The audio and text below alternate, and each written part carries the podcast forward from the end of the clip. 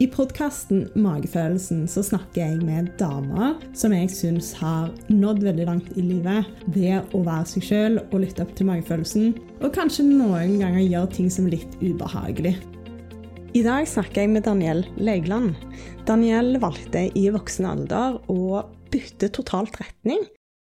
Voksen alder, hun var 25, men som 25-åring så føler du deg kanskje ganske voksen, men det handler iallfall om det å gå etter det du har lyst til, selv om du kanskje allerede har studert noe annet, eller tenker at du er for seint å starte på ny. Vi snakker òg om forventninger rundt oss, det å kanskje synes det er litt skummelt å innrømme hva vi har lyst til å gjøre, fordi at vi er redd for at folk skal tenke at du, skal du bli lege? Skal du bli ditt? Skal du bli datt? Istedenfor å tenke at dette her er noe som jeg virkelig brenner for, og derfor tror jeg at jeg kommer til å bli veldig flink til det. Selv om jeg kanskje i dag ikke har så veldig gode karakterer. Fordi at de karakterene var det bare en lærer som ga oss. De gir oss et stempel som vi kanskje skjems over, og som definerer oss i mange, mange år. og det er noe vi håper at flere tør å utfordre, og heller gå sin egen vei. Daniel opplevde det å føde under korona, og ikke få lov til å ha med mannen sin inn på fødestua. Pga. dette så skrev hun kronikk som har fått ganske mye oppmerksomhet. Og vi snakker derfor om koronatiden, silotankegang, det å ta vare på mennesker i en krisetid, og rett og slett de mentale utfordringene som potensielt kommer til å komme. Danielle er psykolog, og en av tingene som hun er bekymra for, det er rett og slett at fødselsdepresjon blant mødre har økt, vi er òg innom sosiale medier, kildekritikk, avhengighet for teknologi, hvordan retusjering og falskhet påvirker oss som mennesker, og om vi virkelig er nødt til å fake alt i livet for å nå fram med det vi ønsker. Vi snakker om skam, og vi snakker om livet.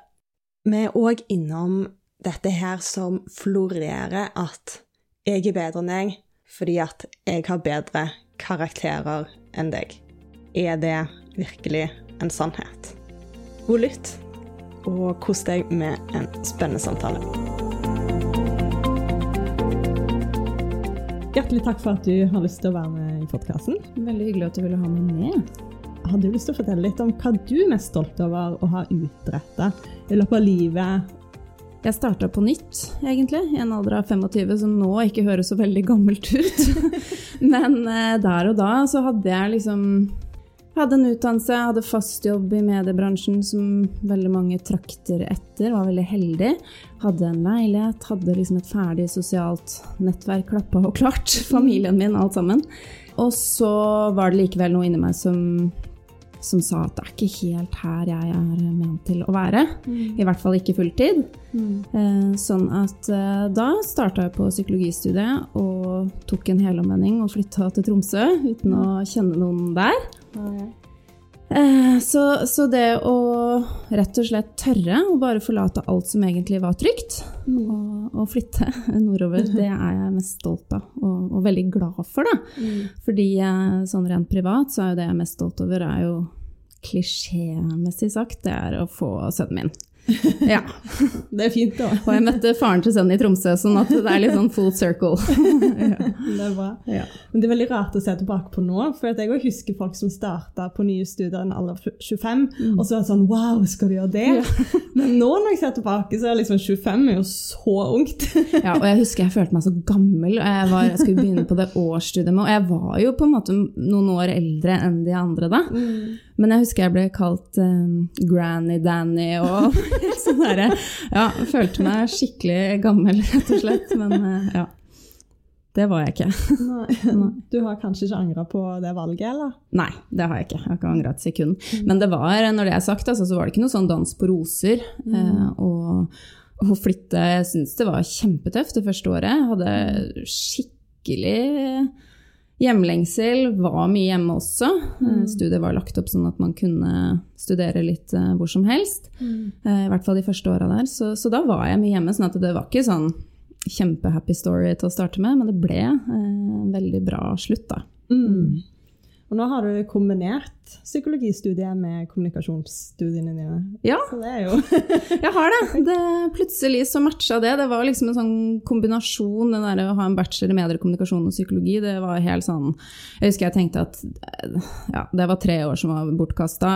Mm. Bortkasta penger. Jeg kommer aldri til å kunne liksom integrere dette her. Men så har det på magisk vis eh, kunne flette seg ganske godt sammen. Mm. Hvordan tror du du har havna der du er i dag? Jeg vet ikke, men uh, du er jo litt sånn opptatt av det her med magefølelsen. Mm. Uh, og jeg har alltid hatt en magefølelse på at det er psykologi jeg har lyst til å jobbe med, og at det kanskje er psykolog jeg skal være. Men jeg har ikke helt eh, turt å på en måte satse på det, da. Mm. eller egentlig si det høyt heller når jeg var yngre. Mm. Fordi det er jo et studie som man alltid har hørt at det er ganske vanskelig å komme inn på. Mm. Jeg var ikke noe sånn råtass på videregående, så det var liksom ikke noe som lå i korta på at, at det var den naturlige veien for meg. Mm. Så jeg valgte jo noe ganske annet, og, og prøvde veldig hardt å, å la det være min vei. Men så kjente jeg hele tida inni meg at det er noe annet. Det er det er psykolog jeg skal bli, rett og slett. Ja. Det er veldig rart når du blir litt eldre og ting begynner å lande, hvordan du kjenner at noen ting føles veldig feil, og andre ting føles veldig rett. Mm. Så det er litt synd at vi ikke har en måte å kanskje fremskynde det på. da. Mm. Og så er det jo det at når vi, når vi, er plutselig blitt litt eldre og kan se tilbake, så, så jo, eller så oppleves jo ting så naturlig. Ja, selvfølgelig sant? gjorde jeg det, og så selvfølgelig tok jeg den jobben, og så blei det sånn, og så der møtte jeg den personen som hjalp meg videre. ikke sant? Men der og da så så er det jo ikke selvfølgelig i det hele tatt. Da må man på en eller annen måte navigere etter noe. Da. Og, og hva er det man skal navigere etter? Skal man navigere etter lønn? Skal man navigere etter interesser? Skal man navigere etter hva andre gjør? Eller, eller skal man prøve å finne frem den magefølelsen? Og den kan være ganske godt gjemt noen ganger. Mm. Og det kan være litt vanskelig, ja, jeg syns jeg, å, å, tørre. Jeg husker òg jeg hadde litt sånn Enten så kunne jeg føle på den at jeg har ikke gode nok karakterer, så det er ikke realistisk for meg å gjøre det. Mm. Eller at hvis noe hørtes veldig råflott ut, så tenkte jeg at det, janteloven eh, mm. slo litt inn. Da, at jeg følte at jeg kan ikke si det høyt, fordi at hva vil, vil folk tenke at jeg egner meg som det? Ja, nesten litt sånn der Ja, jeg skal bli hjernekirurg, liksom. Så hør på meg. ja.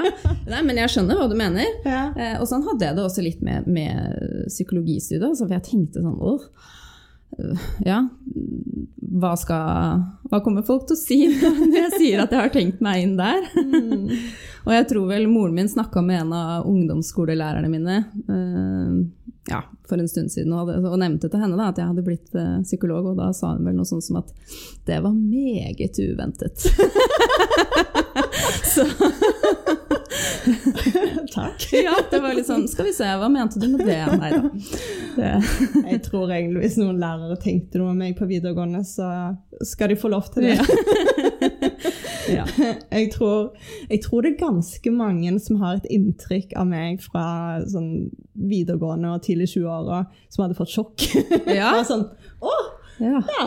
Du er det, du, liksom. ja. Du tenker at de ville trodd du var et annet sted? Ja, eller en annen person, og hvordan du kan endre deg. da, At uh, retningen ikke alltid er tydelig. Mm. Mm. Jeg husker jeg møtte igjen en fra ungdomsskolen når jeg hadde begynt å studere, som hadde begynt på noe ingeniørstudie.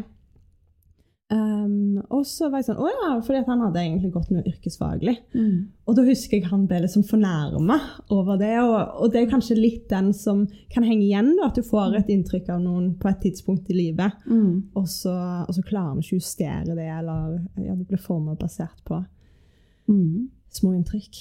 Ja, og det kan nok være litt av grunnen til at jeg vet jo om mange som f.eks. er fra samme by som meg, da, mm. eh, men som ikke syns det er noe særlig ålreit å være hjemme. Ikke sant? Fordi at mm. eh, noen har et helt annet inntrykk av deg fra du var på, om det så er barneskolen. ikke sant? Ja, ja. Og man må da for guds skyld få lov å endre seg nå, på de åra der. Men, men, at mange syns det er litt sånn ubehagelig, da. Mm. Og så tror jeg det er veldig lett å gå tilbake i gamle roller. Mm. Sånn at Jeg kjenner til og med tvillinger hvor de har hatt en rolle eh, i det tvillingforholdet.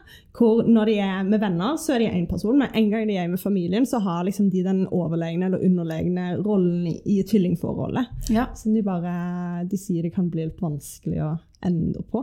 Men det er veldig interessant det du sier der, fordi det har jeg tenkt litt på egentlig helt siden du spurte om jeg ville være med i den podkasten her, så begynner man jo å tenke litt sånn herregud, åssen har jeg havna der jeg har, og det er jo ikke så ofte man liksom stopper og tenker over det, for det føles jo, som jeg sa, litt sånn naturlig. Mm.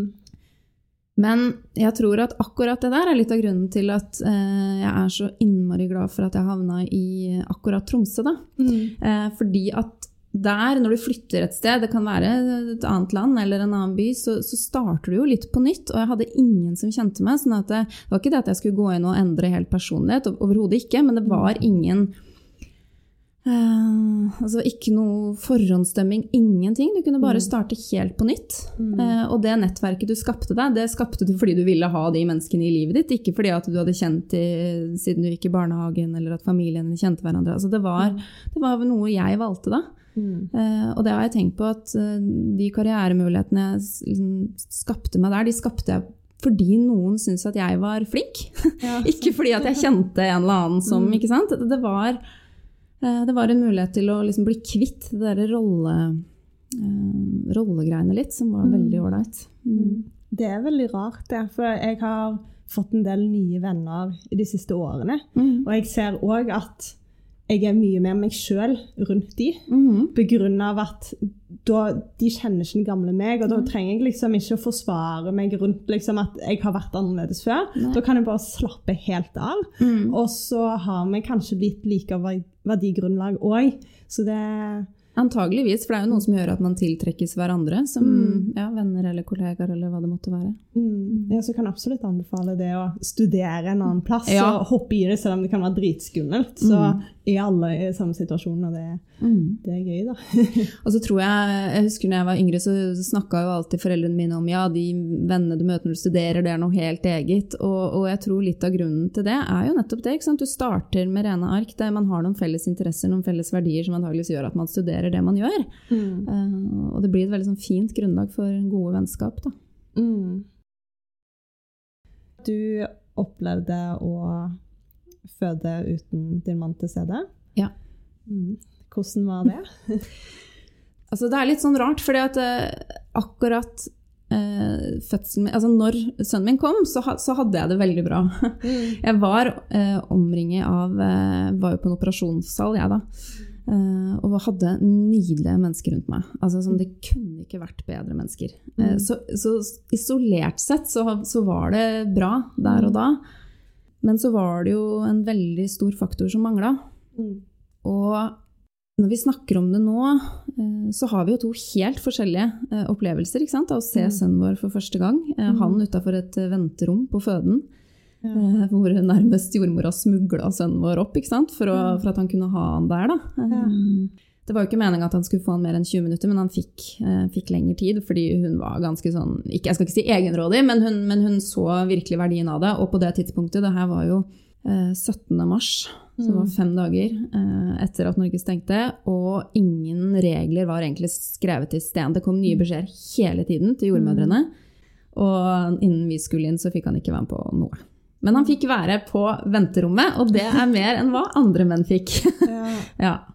Jeg har hørt mange historier om det også. Det er veldig mange som har tatt kontakt eh, og fortalt om menn som står på parkeringsplassen på Rikshospitalet, ikke sant? og så har f.eks. noe skjedd da, som gjør at man står der i opptil åtte timer uten noe informasjon. Det er jo hjerteskjærende. Uff, ja. Ja. Så, Det må være helt grusomt. Blir Mm. altså, fødselen er jo veldig tøff for damene. mm. Men altså, det må jo være ganske tøft for mennene òg å bare egentlig være med på en fødsel fordi Ja. at det er så dramatisk, men da ikke engang få lov til å være med. Nei. Men stå utenfor og bare vente og vente. Og, Mm. Jeg tror det er veldig mange historier. Um, jeg, som jeg skrev i den kronikken, har jo vært med i en sånn termingruppe da, eh, på Facebook for folk som skulle føde i mars. Og så kan man jo si det å være med i en sånn gruppe, det er jo mye informasjon man kanskje ikke trenger, men akkurat de dagene i forkant så var det veldig verdifullt, fordi at sykehusene hadde ikke informasjon som de kunne gå offentlig ut med. Vi ringte de jo ned, alle vi fødende damene som skulle til pers. Eh, sånn at da var det jo der vi fikk informasjonen. Eh, og så ble det ganske stille på den gruppa, for det er klart man får noe det barnet. altså stopper jo ikke reisa der. Det er jo da det egentlig begynner, ikke sant? med barseltid og lite søvn og ammegreier. og ja. Sånn at eh, det var egentlig ganske stille helt til den eh, kronikken kom, for da tror jeg vi alle hadde liksom fått hodet litt over vann. Mm. Og da kom jo historiene. Mm. og det er, ja, det er ganske mye sånn tøff lesning, altså, om åssen mange har hatt det. Mm. Vi prøver å Uh, snu det litt om til noe positivt. Vi skal få lov å synes at det var kjempekjipt at det blei sånn. Det var ikke det vi hadde sett for oss mm. i det hele tatt. Mm. Um, jeg kan fortsatt bli lei meg når jeg tenker på det. Særlig fordi jeg ikke husker så mye. Man er jo litt sånn neddopa og mm. Det er fint å se på det positive, men mm. jeg tror den historien du har, er fra mm. dere starter en ny familie, men jeg tror det er veldig mange andre som har opplevd det, ja. men hvor Eh, det har vært noen syke på sykehuset. Mm. Mm. Uh, og det Jeg syns det er litt vanskelig, den debatten rundt korona, at mm. det er kanskje litt sånn silotankegang, da. Og jeg mm. håper at de nå har begynt å endre på det, men jeg har jo hørt ganske fæle historier hvor folk omtrent har ligget for døden og mm. ikke har fått lov til å komme inn. da. Ja. Så jeg håper hvis vi kommer i en sånn som dette situasjonen igjen, at vi kan lære og kanskje gjøre det på en litt annen måte. og, og mm finne en vei rundt. Det tror jeg du har veldig rett i, og akkurat det du sier der, er jo egentlig det som var målet med kronikken også. fordi at um, Mannen min spurte jo hva, eller hva er det du vil med den mm. kronikken. Det er jo veldig viktig å spørre seg om sant, når man skal skrive. Og jeg ville ikke ta Ullevål. Det var ikke min hensikt. De på mm. Ullevål gjorde det beste de kunne med det de hadde. Mm. Og for noen engler som jobba der. Og virkelig. Så det var ikke min intensjon. Eh, men intensjonen min er det at når man setter inn tiltak for noe, denne gangen korona, så er man nødt til å evaluere det også. Eh, og vi vet hvor sårbart det er for barn som vokser opp med deprimerte mødre. Ja. Vi så at statistikken skøyt i været. Mm. 70 eh, eller 80% økning i forekomst av fødselsdepresjon. Det er ganske heftige tall. Ja. Og hvis ikke det blir tatt tak i tidlig, Mm. Eh, som jeg er redd for at ikke man har klart. Mm. Eh, så tror jeg at det kan ha store konsekvenser for, altså på samfunnsnivå om mange år, da, når disse barna blir eldre og skal vokse mm. opp. Så akkurat det du sier der, at vi må um, evaluere, vi må se på om vi kan gjøre noe annerledes. Mm. Uh, nå har jeg hørt, heldigvis kan du si, at uh, praksisen er annerledes uh, i hvert fall når det gjelder keisersnitt. Nå får fedrene være med, og de får være med på barsel. Mm. Selv om mor har korona, faktisk. Ja. Mm. Så det er jo veldig fint. Mm. Uh, og det tyder jo også på at man blir lyttet til. Og i etterkant av det var denne kronikken her, og så var det noen andre som ble skrevet, så ble det også oppretta sak uh, hos pasientombudet, da. Mm. For å se på nettopp dette. Mm.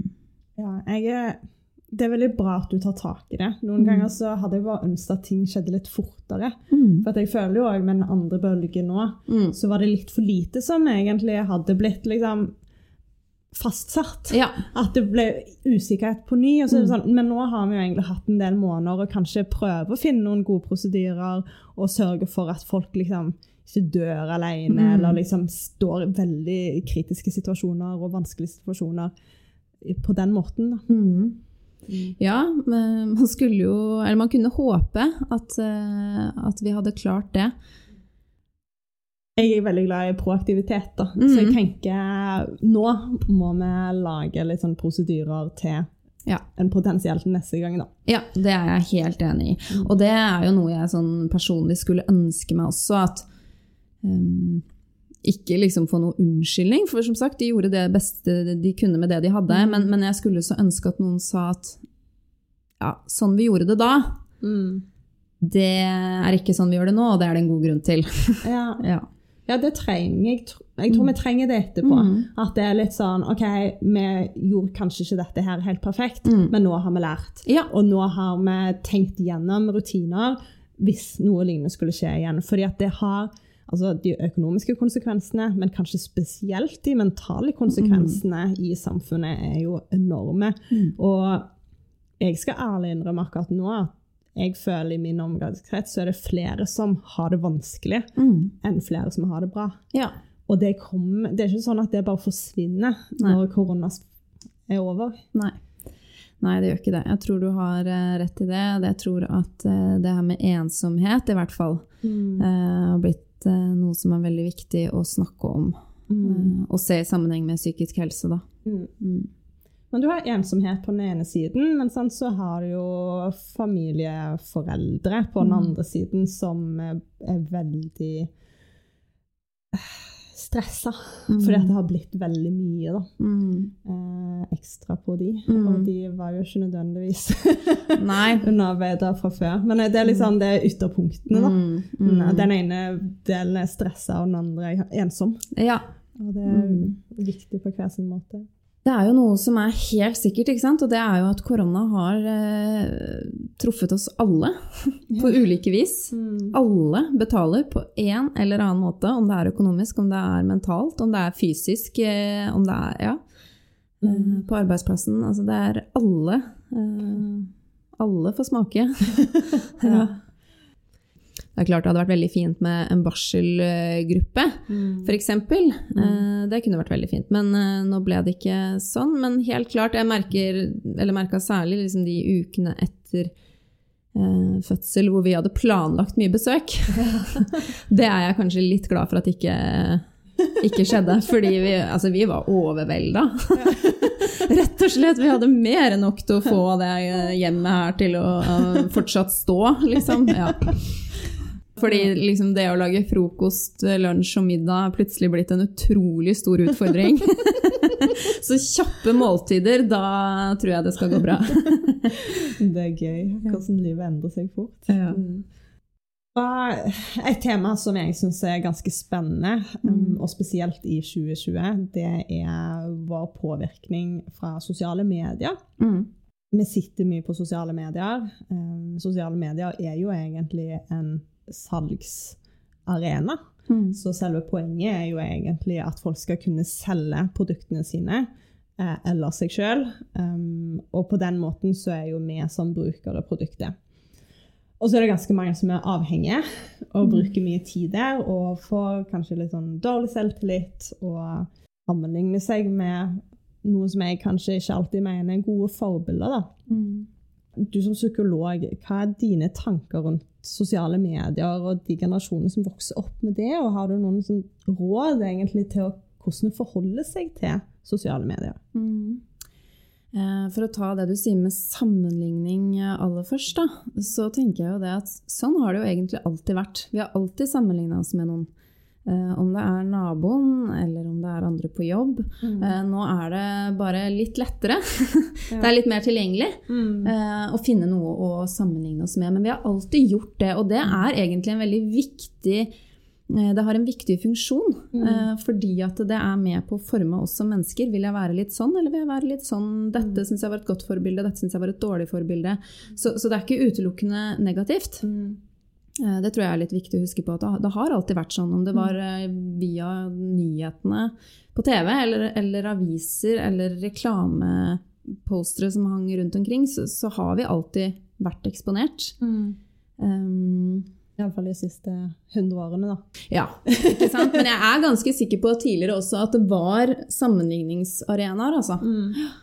De sier jo sånn mengden input som Mm. vi får nå eh, i løpet av en dag, er jo mer stimuli enn det vi fikk for 100 år siden i løpet av et helt liv. Ja, og hjernen har ikke utvikla seg i takt? Med, Mm. med det teknologiske samfunnet, så det er helt Mm. klart det er jo et eh, potensielt problem. Vi vet nok ikke fullt ut langtidseffektene av det. Det er jo ganske nylig at uh, det her med teknologisk avhengighet, uh, avhengighet til PC, mobil, hva det måtte være, da, TV-spill, um, har blitt anerkjent som en fullt ut avhengighet. Ikke sant? At de ser at det har noen av de samme nevrale mekanismene i hjernen som andre typer avhengighet.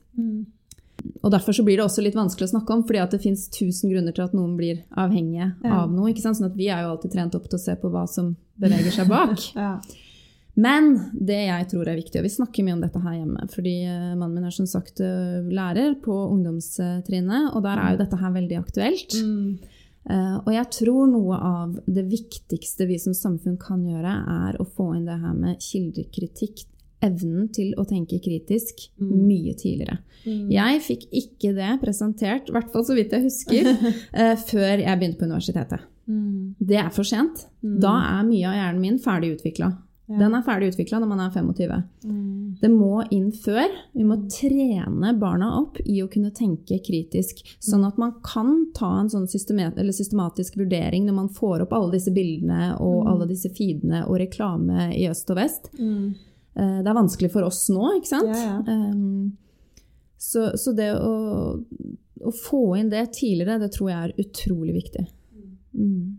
For at jeg skal jo ærlig innrømme at selv om jeg er innmari bevisste, så blir jeg jo påvirka. Mm. Så her om dagen så gikk jeg faktisk inn og så slett, eller tok en sånn unfollow på en Ja. del profiler på Instagram. Fordi at jeg, jeg bare merker at de sjøl mener at de er positive influensere. Mm. Men jeg merker at når jeg ser på deres bilder, så blir jeg mindre fornøyd med meg sjøl Mm. og mitt liv. Mm. Og da er det jo egentlig negative influensere.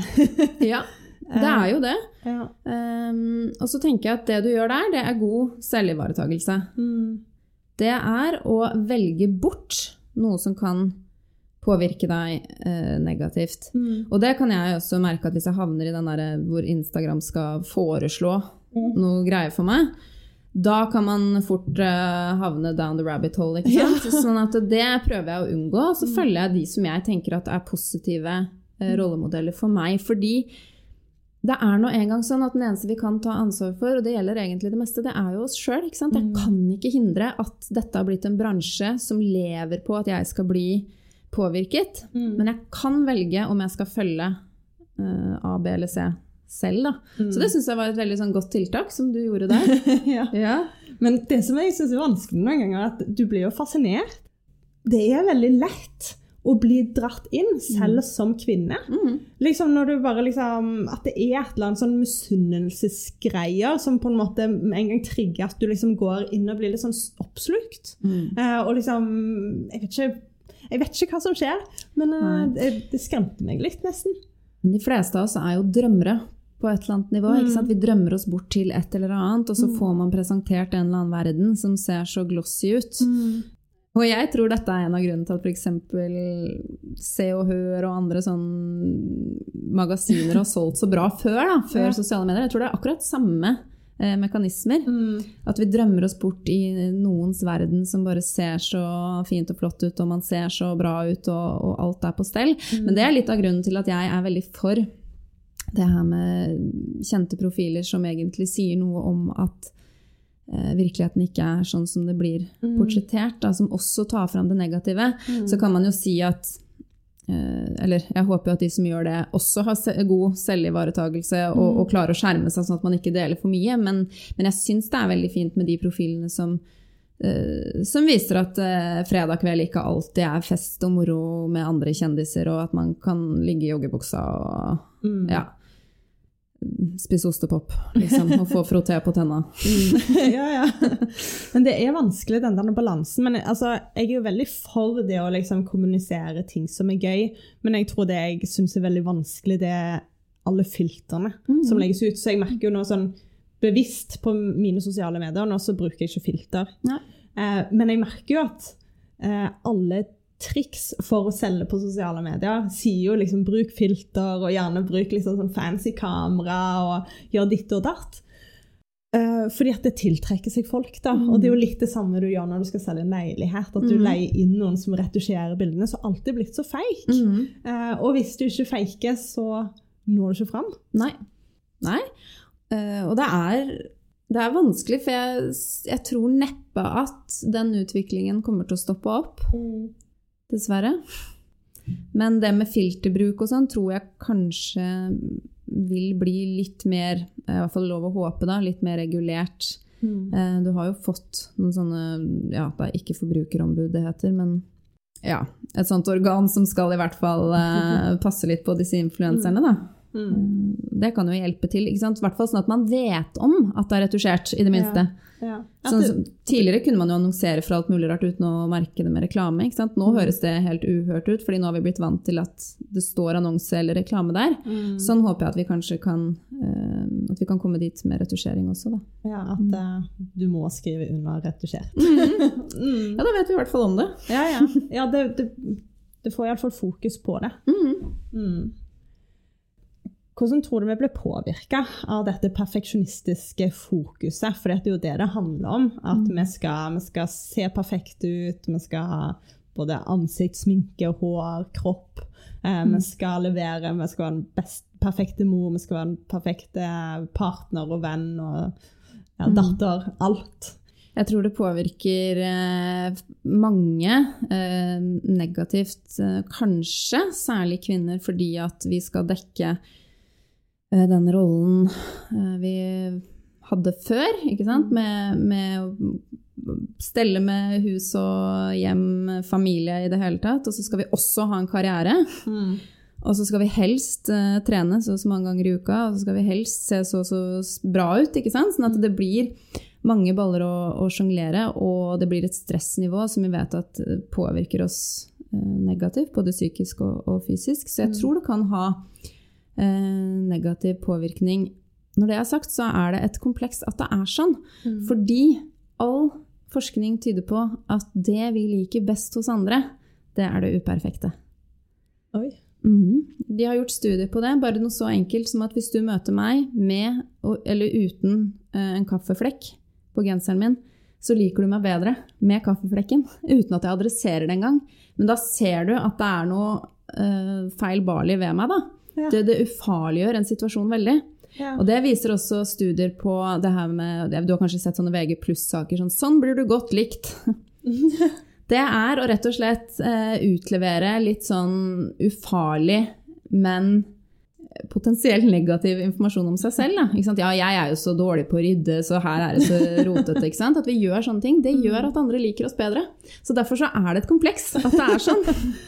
Ja, det er veldig rart, for jeg har tenkt litt på det etter jeg startet med podkasten. Mm. Så siden jeg på en måte allerede har utlevert meg sjøl, så når jeg møter nye folk, så er jeg veldig åpen og bare liksom forteller det sånn som det er. For Ja. det er egentlig offentlig tilgjengelig allerede. Og så merker jeg at jeg bonder så utrolig fort med folk, og Ja. de bare plutselig forteller om seg sjøl. Liksom åpner seg opp på en annen måte, da. Mm. Men det skaper vel en form for tillit. Ja, det gjør det. Mm. Jeg tror det, det blir veldig Hvis jeg møter et annet menneske som for meg fremstår helt perfekt, som har alt på stell, så blir jo det veldig skummelt og nærmest truende for meg. Eh, og det blir vanskelig for meg å skulle si noe om eh, hvor jeg er i livet mitt, hvis ikke det er på et godt sted. Da. Mm. Sånn at eh, jeg tror, tror det er litt viktig at vi husker på det. Ja. At vi går bare rundt og søker etter andre uperfekte mennesker. Mm. Og som regel altså Folk som mener at sitt eget liv er perfekt, eller påstår det, de er jo enten ikke ærlige med seg sjøl eller med andre. Nei. Eh, og at det kanskje de ikke takler å gå inn i det på noe vis. da. Mm. Nei, sånn at den der tanken om at man skal at alt skal være perfekt, det, det kan man eh, det, Eller det må man legge fra seg, for det kommer det aldri til å bli. Med mindre man virkelig tøyer eh, definisjonen på perfekt for seg selv. Og det som er veldig rart, er når du på en måte innrømmer at ting ikke er perfekt, og aksepterer det, så blir du mer fornøyd med det uperfekte òg. så jeg fortalte om eh, en historie før vi starta innspillingen i dag, men hvor eh, eh, kjæresten min skulle printe ut spørsmålene til Mhm. intervjuet. Og hvor jeg automatisk gikk liksom inn i denne at jeg skyldte på han. Ja. Og da er det så lett å på en måte være sånn åh, han glemmer alltid, og liksom bla, bla. Og da tror jeg det er lett hvis du henger deg opp i den type tankegang, så kan du bli så misfornøyd med partneren din, du kan bli misfornøyd med dagen. Jeg kunne kommet hit og vært i dritdårlig humør, for når jeg gikk hjemmefra, så var jeg egentlig litt sur på han, for jeg fikk ikke tak i han. Jeg endte opp med å gå her bare for å liksom, bli kvitt det. Så gikk jeg og tenkte litt så var det sånn, men jeg kunne jo ha sørget for at jeg hadde de spørsmålene tilgjengelig i går. Sånn, ja, men egentlig så er jo han dritsnill og som kommer og sykler og, og leverer de. Og det er jo ikke perfekt. Nei. Men det er bra, og så kan du på en måte heller finne takknemlighet i Mhm. en misforståelse, og at vi egentlig kløner litt til. Mhm. Um, og jeg tror ved å på en måte ikke hele tiden forvente at ting skal bli perfekt, så kan du på en måte bli mer takknemlig på noe vis. Mm. Det tror jeg også. Og takknemlighetstrening er jo noe jeg jobber veldig mye med eh, med pasienter. Det å faktisk huske på og komme på ting vi er takknemlige for. Eh, Det er veldig viktig, og hvis man klarer å gjøre det til en god vane mm. Å finne tre ting hver kveld. Ikke sant? Hva har skjedd i dag som jeg er takknemlig for? I de aller fleste tilfeller så vil det være noe. Ja. Mm. ja, ja. Og som du sier, det at han kom, det regner mye i dag. det var veldig snilt av han. Ja, ja. Ja. Han sykla fra jobb, og han, han eh, sa unnskyld, og jeg sa unnskyld. Kjempeflink eh, kjæreste. Ja. ja, og hadde jeg møtt han med 'hvordan klarte du å glemme det?' og vært sur, Mm. sant, så kunne vi endt opp med å krangle resten av dagen. Så så kunne det hengt litt over oss, og jeg skal jo innrømme at det også har skjedd andre ganger. Men hvis du på en måte prøver å være litt sånn Det er ingen av oss som er perfekte, og noen ganger så glemmer du bare litt ting, og møter folk med en sånn forståelse for det, så, Mm. så slipper ting mye lettere, da. ja, Mm. det gjør det. Og litt sånn for å trekke det tilbake til eh, Tromsø, det der med at det uperfekte blir litt sånn perfekt. Alt handler jo på en måte om hva du ønsker og, og hva du vil. Det som er perfekt for meg, trenger jo ikke å være perfekt for deg. Eh, og jeg husker jeg fikk min første jobb eh, i Tromsø da uten å kjenne noen. Eh, det var liksom første gang jeg måtte liksom ringe rundt og spørre om noen hadde jobb, eh, og, og søke, og endte opp med å komme inn på intervju på et sted som ikke hadde jobb, egentlig. Mm. Men ble da ansatt som det som heter ekstravakt.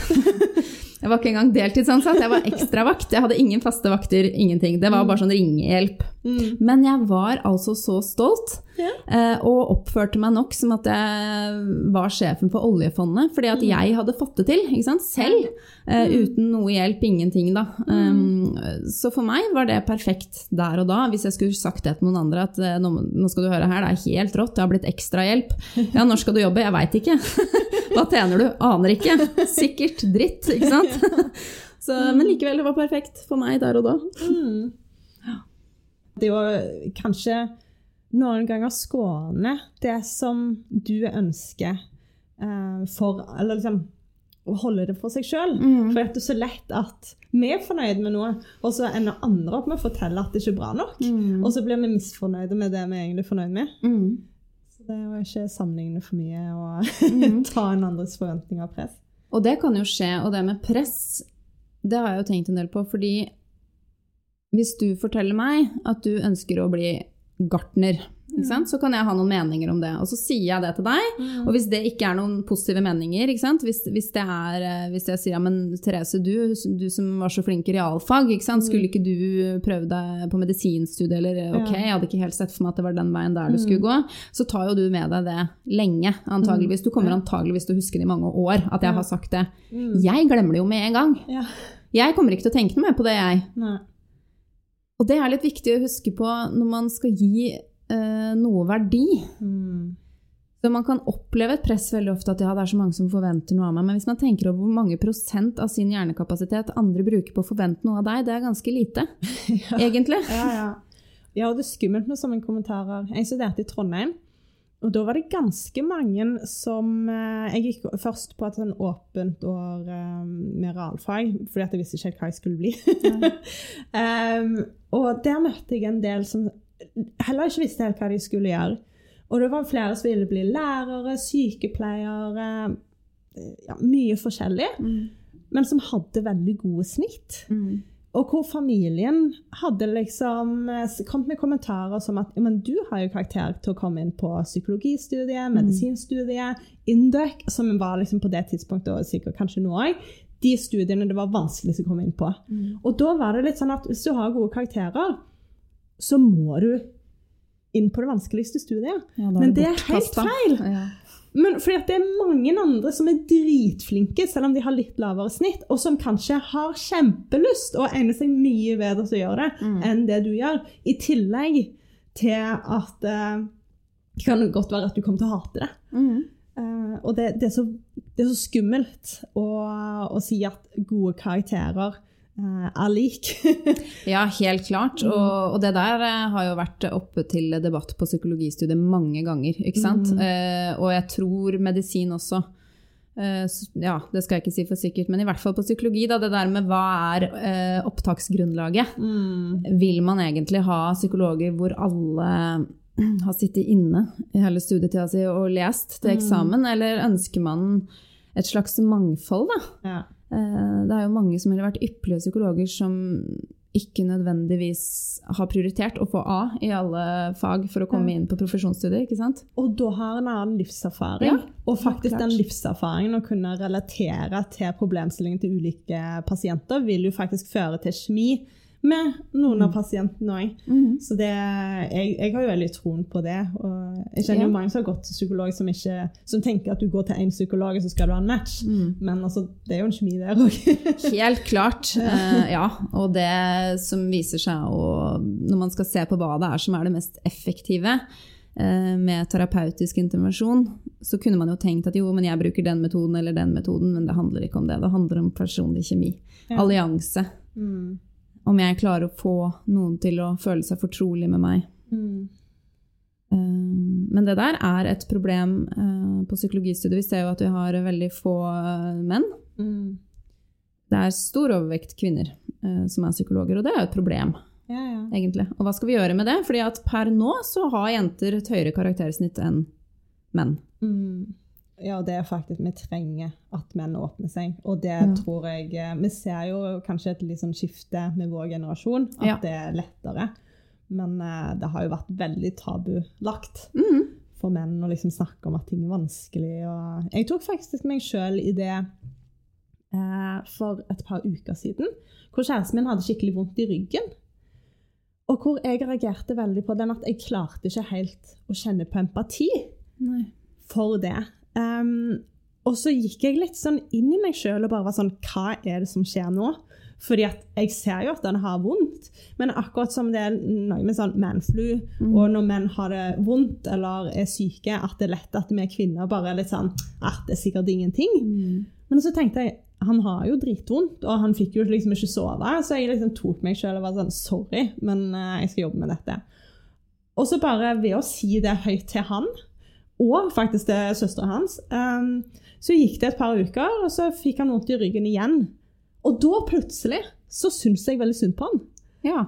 Uh, og så kom den empatien naturlig. ja. Men det òg tror jeg vi trenger å snakke om det. Mm. Rett og slett For jeg, jeg tror det er skambelagt hos menn at de ikke tør å være sårbare, og de tør ikke å ha vondt. og At det er kanskje en forventning fra oss kvinner Mm. at de ikke skal være sånn svake, eller whatever vi kaller det, Mm. og har oppi hodene våre. Da. Men eh, det må ut, da. Mm, Og så tenker jeg at det ville vært veldig gunstig for mange menn å, å kunne snakke med en mann, da. Hvis man går til psykolog, ikke sant. Eh, Det kan hende at en eh, kvinne i 50-åra ikke er akkurat det du trenger hvis du våger eh, til psykolog for første gang. Nei, nei, du burde jo ha noen kanskje ja, som kan relatere. Mhm, mhm, Absolutt. mhm. Et tema som jeg syns er veldig spennende, og som er litt sånn fokus i podkasten, det er skam. Mhm. Som jeg faktisk overraskende har uh, innsett at det er veldig mange som ikke helt vet hva skam er. Og hvor vanlig det er. Mhm. At de ikke helt klarer å kjenne igjen den følelsen. Har du en sånn definisjon på hva skam er? Eh, egentlig ikke en sånn ordrett definisjon, men det vi kan tenke på når vi tenker på skam, det er jo små barn eh, som enten får kjeft eller blir tatt i noe de ikke skal gjøre, eller noe sånt, hvor du ser en sånn umiddelbar reaksjon hvor de bøyer hodet. Ja. Det er liksom det tidligste uttrykket for skam eh, man har. Eh, og så er det jo litt sånn når vi blir eldre, en sånn kan i hvert fall være en ubehagelig følelse av eh, at vi ikke ønsker at andre skal få vite om Ja. det man tenker eller føler. Ikke sant? At det hadde vært utrolig ubehagelig hvis det, ble, hvis det sto i panna. ja. Alt man skammer seg over. Mm. Ja, for jeg har opplevd eh, ting jeg er flau over. Det kan jeg snakke om. Og det har jeg nok gjort hele livet. Men ting jeg skammer over, det har jeg holdt veldig for meg sjøl. Og når jeg innså det, så tenker jeg at det er nok tilfellet kanskje for mange. Mm. Ja. Eh, Men det som er litt interessant med skam, det er jo at det er jo blitt et veldig negativt ord, og, det, og skam, skamfølelse kan absolutt være negativt. Mm. Eh, Men det er jo også der for en grunn. Ja. Det er jo alle følelsene vi har. Mm. Eh, Så skam er jo på en eller annen måte også sosialt regulerende. Ja. Fordi hvis jeg gikk rundt og gjorde eller sa eller utagerte på alt jeg potensielt skamma over, da, Mm. så ville jo det blitt Texas hvis alle skulle gjort det. så det er jo også en sånn regulator som er der for en grunn. Det tenker jeg at er litt viktig å huske på. Eh, når det er sagt, så, så det å gå og føle på ofte overdreven skam, eh, fordi veldig ofte når man får satt ord på det, Mm. så viser det seg at det er noe man har til felles med veldig mange andre. ikke sant? At, at uh, veldig ofte ja, er lett for meg å si, men ikke er noe å skamme seg over, da. Ja. Mm. Ja, for at jeg fant ut sånn Jeg hadde ikke så gode karakterer på videregående. Og så gikk jeg et år på NTNU, og så var jeg med på Uka på, sam uh, på Samfunnet i Trondheim. En sånn studentfestival. Og der gikk alle på NTNU, og så endte jeg opp med å gå på BI. Og der så folk så innmari ned på folk som gikk på VI, og sa det høyt mens jeg var der. Så først nå har jeg klart å si at jeg hadde ikke så gode karakterer på videregående. Jeg har skamma meg sånn over det og Mm. tenkt at det vil, det vil folk dømme meg for fremdeles. Mm.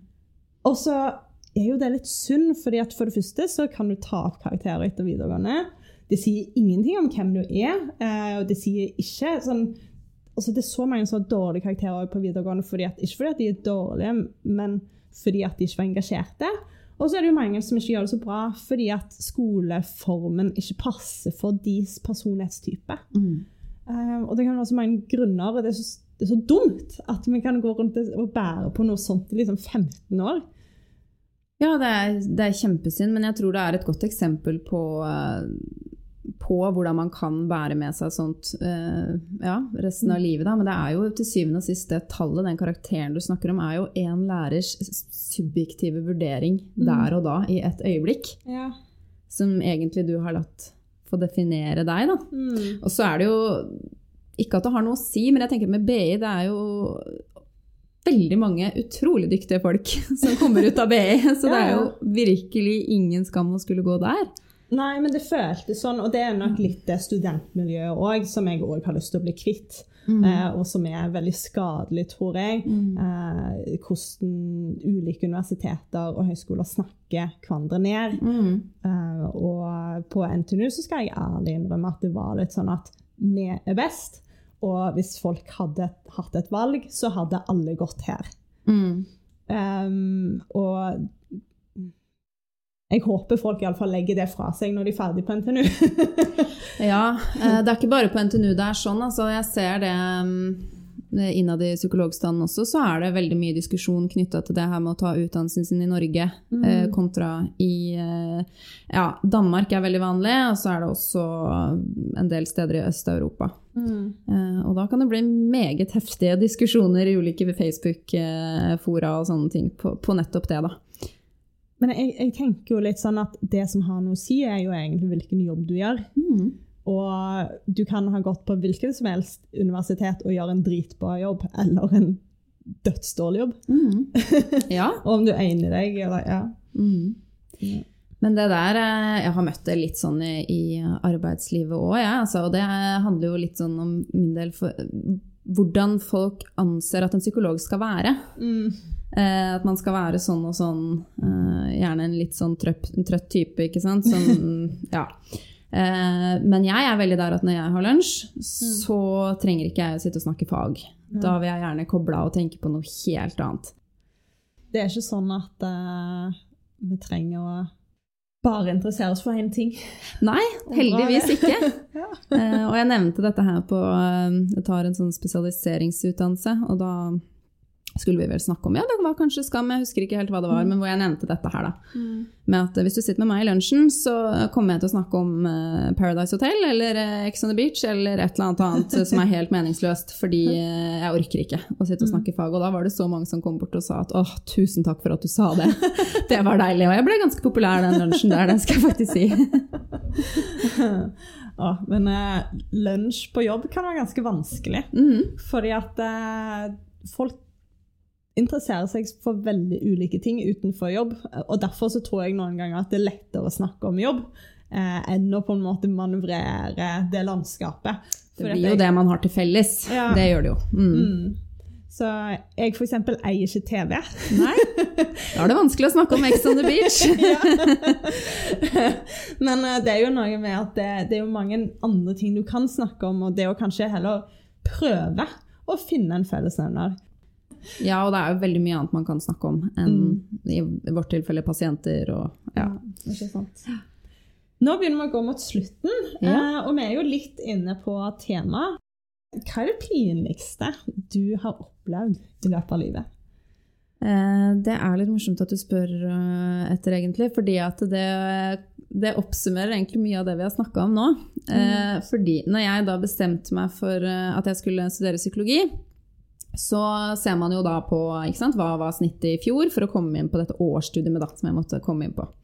På Blindern. Og da så jeg at det var eh, ja, et eller annet. Og så at eh, jo, det snittet jeg hadde, det skulle gjøre at jeg med ikke god margin, men at jeg liksom jeg skulle komme inn der. Jeg var ganske, ganske sikker på at jeg kom til å komme inn der. Eh, Og jeg er ikke noen sånn som tar store sjanser egentlig, men jeg var såpass sikker at jeg sa opp jobben min. Ja. Eh, og vi hadde avslutningsfest og fikk gave og hele pakka. Og så gikk jo juli måned, og det er vel sånn i slutten av juli man får svar fra Samordna opptak, og der sto det bare at jeg ikke var opptatt på det studiet, oh, og at jeg hadde for lavt karaktersnitt. og så skjønte jeg ikke helt eh, hvordan det kunne ha seg, men så viste det seg at vi er vel like gamle, så når vi gikk på videregående, da kunne vi ta det som et fordypningspoeng, og man kunne få noen realfagspoeng og litt sånn ekstra glitter da, på, på det karaktersnittet man egentlig hadde. Eh, Og det hadde jo jeg eh, virkelig belaga meg på at fortsatt skulle gjelde. Ja, det Men akkurat det året så gjaldt ikke det lenger. Da ble det barbert bort, så jeg mista jo jeg vet ikke, jeg tror jeg gikk fra sånn å ha 5,3 i snitt til å ha 4,1. Altså det var helt sinnssykt. Bare, det, det var ikke snakk om at jeg kom til å komme inn på det studiet. Jeg var ikke på ventelista engang. Nei. Og det å da måtte ringe sjefen og, og liksom Du eh, jeg lurte på om jeg kunne få lov å komme tilbake igjen og liksom møte alle kollegene sine og Yes, takk for gaven jeg fikk før sommeren. Her er jeg igjen. Det var, eh, det var ikke det stolteste øyeblikket mitt, altså. Men det skal sies, da, han, eh, han sjefen han var en god sjef, og han sa det at det er jo ikke her du vil være, Daniel. Eh, Vi må finne en eller annen måte inn. Mm. Så han sa det at Bjørknes, om du så må ta opp alle faga du har hatt på videregående, så får du gjøre det, da. Ja. Så da gikk jeg inn på Bjørknes sine sider, og så viste det seg at akkurat det året, akkurat den uka, så skulle det starte årsstudium i psykologi. Wow. Eh, Ja, på høyskolen deres, da. Ja. Så jeg jobba der ja, det var vel én dag, før jeg slutta igjen. ja, så um, det endte jo godt. Mm. Men der også har det jo vært litt sånn Å ja, du gikk på Bjørknes, ja. Du betalte deg inn. Ja. Um, Men så tenker jeg det er mange veier til rom, og alle er eh, like gode. Mm. Men så bra at du gikk tilbake, for det kan jo være at du ikke hadde endt opp der hadde det ikke vært for han sjefen din. da.